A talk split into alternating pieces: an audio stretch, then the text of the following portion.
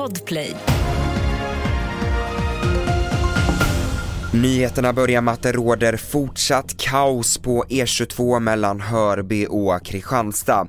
Räddningspersonalen prioriterar nu evakuering av drabbade även om fordonen blir kvar. Trafikverket bedömer att vägen inte kommer kunna öppnas igen förrän klockan åtta imorgon bitti. Runt 3000 hushåll i Älvsbyn är fortsatt utan el. Temperaturen i samhället ligger på minus 31 grader och kommunen uppmanar anhöriga att besöka sina äldre under dagen då problem uppstått med trygghetslarmen, det skriver Piteå-tidningen.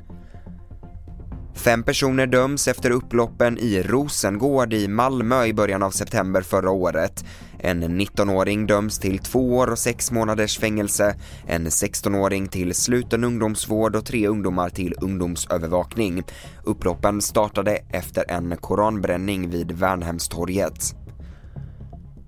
Tidigare sekretessbelagda dokument kopplade till utredningen mot den amerikanske finansmannen och sexbrottsdömde Jeffrey Epstein har blivit offentliga. Dokumenten släpps i flera omgångar och i de 40 första handlingarna nämns personer vars koppling till Epstein tidigare varit känd, till exempel prins Andrew och Bill Clinton. Fler nyheter finns i appen TV4 Nyheterna. Jag heter August Håkansson.